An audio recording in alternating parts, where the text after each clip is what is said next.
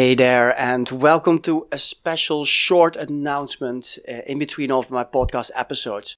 Roel here, host of this show, and I want to invite you for this very special fundraiser I'm going to host this Sunday.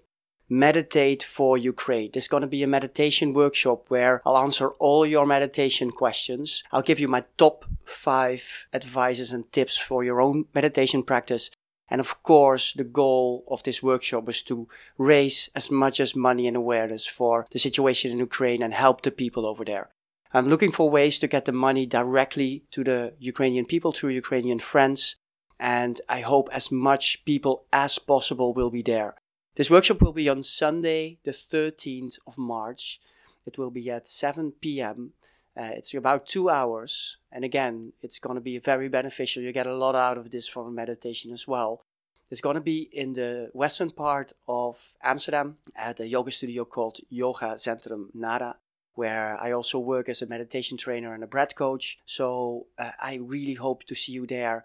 Otherwise, if you're somewhere else in the world, which is of course also very possible with this podcast, it's also possible to uh, come online and to join us online.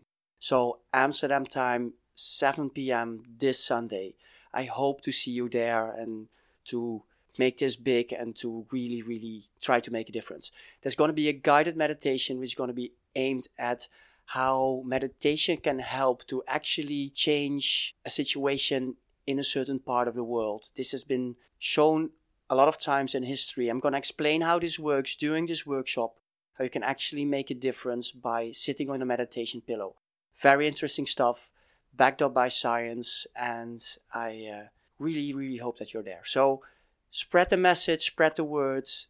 All the information you can find on my website, www.meditatie, that's a Dutch word for meditation, dot Amsterdam forward slash fundraiser. And uh, again, I hope to see you there. And if you just want to donate, that's also possible.